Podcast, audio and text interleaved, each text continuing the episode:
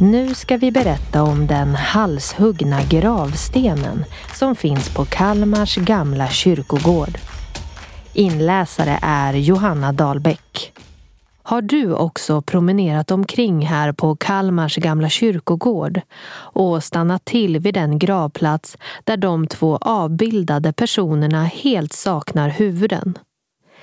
Kanske funderat över var de tagit vägen eller vem som så kan ha huggit av dem.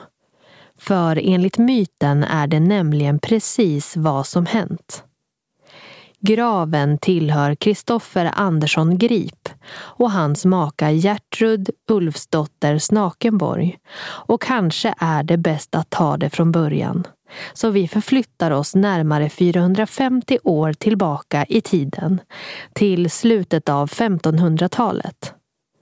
Gustav Vasas barnbarn Sigismund sitter på tronen i sin mammas hemland Polen, som vid den här tiden är ett av Europas mäktigaste länder.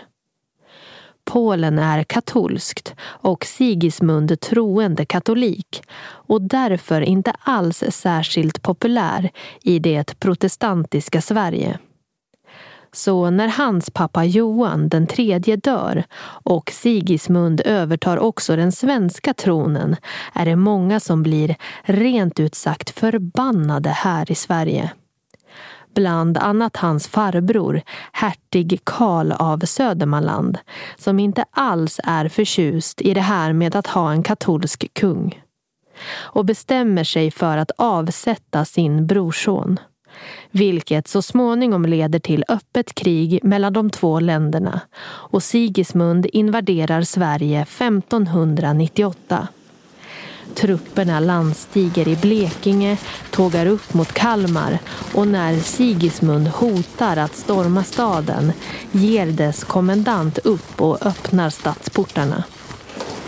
Sigismund och hans trupper fortsätter marschera norrut mot Stockholm.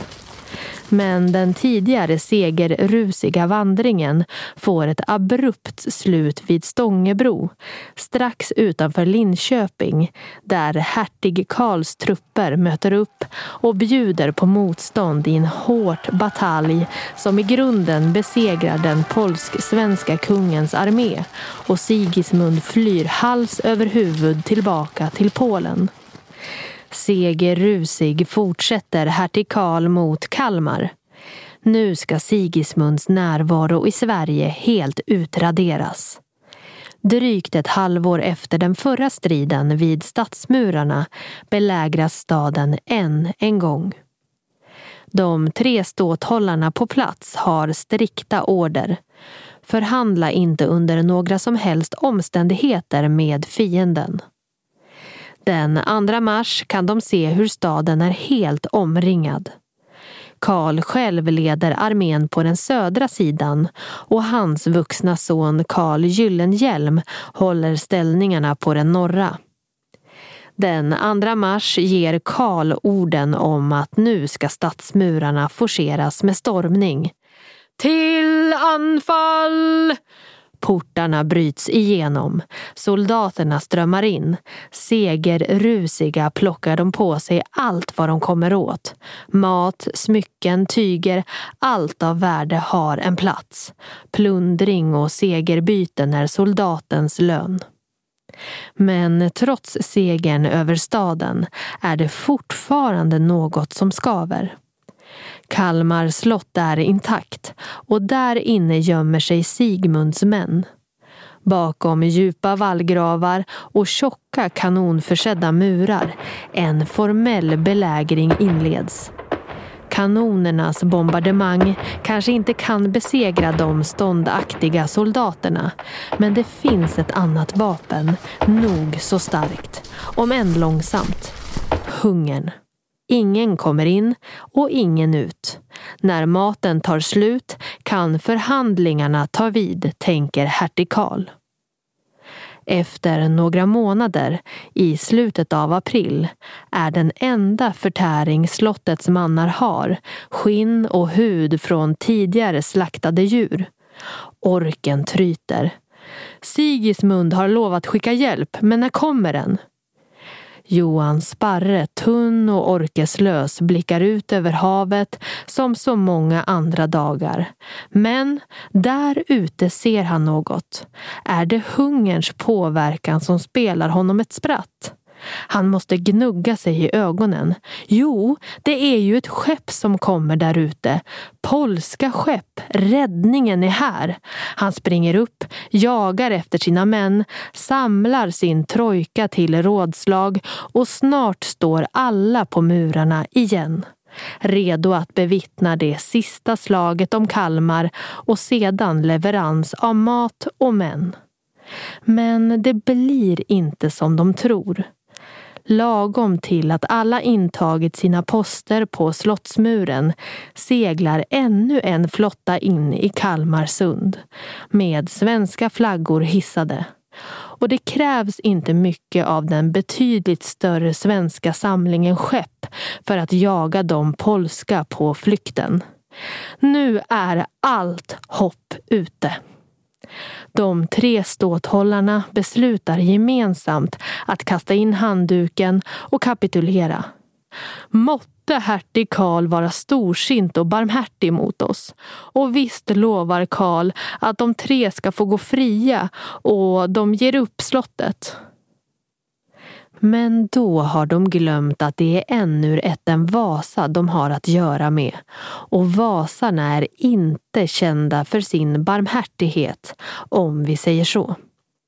De utmärglade soldaterna som återstår av slottets garnison fängslas och tre dagar senare är det samling på borggården.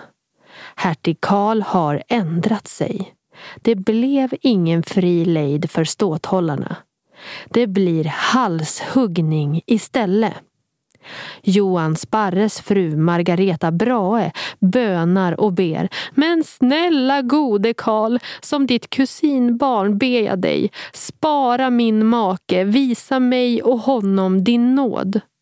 Det biter föga på Karls ilska och 22 män får sätta livet till den dagen när Kalmars borggård färgas röd.